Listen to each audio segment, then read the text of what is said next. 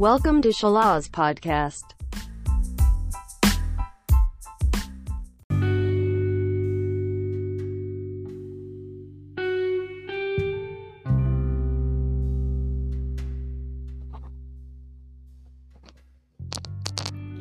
Halo Sobat Salas, jumpa lagi bareng Vista, podcaster Salas Podcast.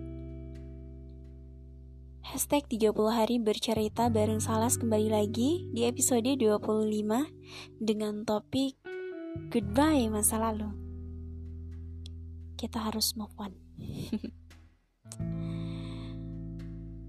Setahun yang lalu, sebulan yang lalu, sepekan yang lalu satu hari yang lalu, satu jam yang lalu, bahkan satu detik sebelum detik ini pun adalah masa lalu.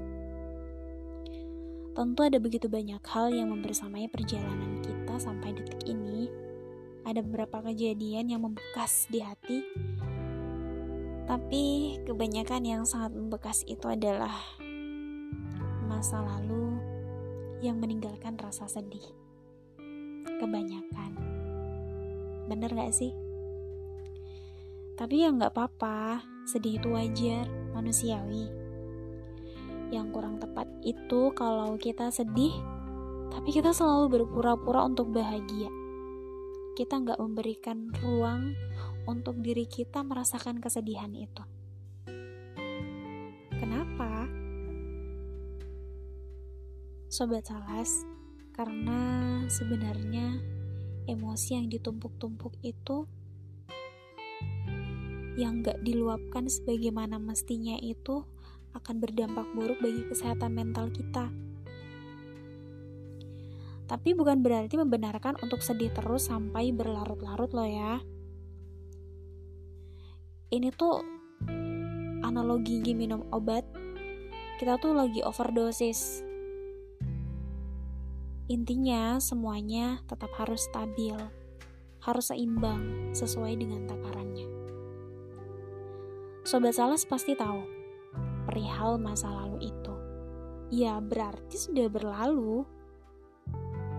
Artinya, fokus kita hanya untuk hari ini dan hari esok saja.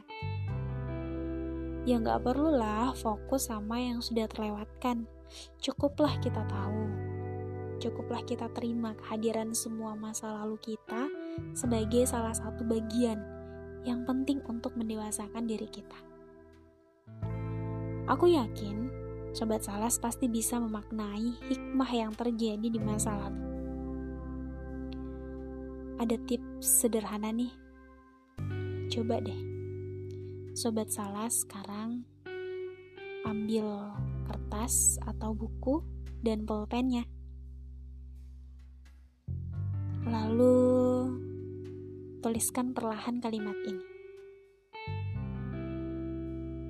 Setelah kejadian tentang masa lalu itu, aku menjadi pribadi yang lebih bla bla bla bla. Silakan diisi sendiri ya.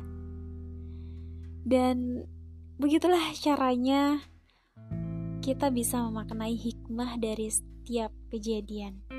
Pasti ada. Ya kan? Hmm, kalau gitu, sekarang gimana? Sudah lebih tenang? Apakah sudah lebih siap untuk mempersiapkan hari esok? Apa pun itu, pokoknya tetap semangat ya.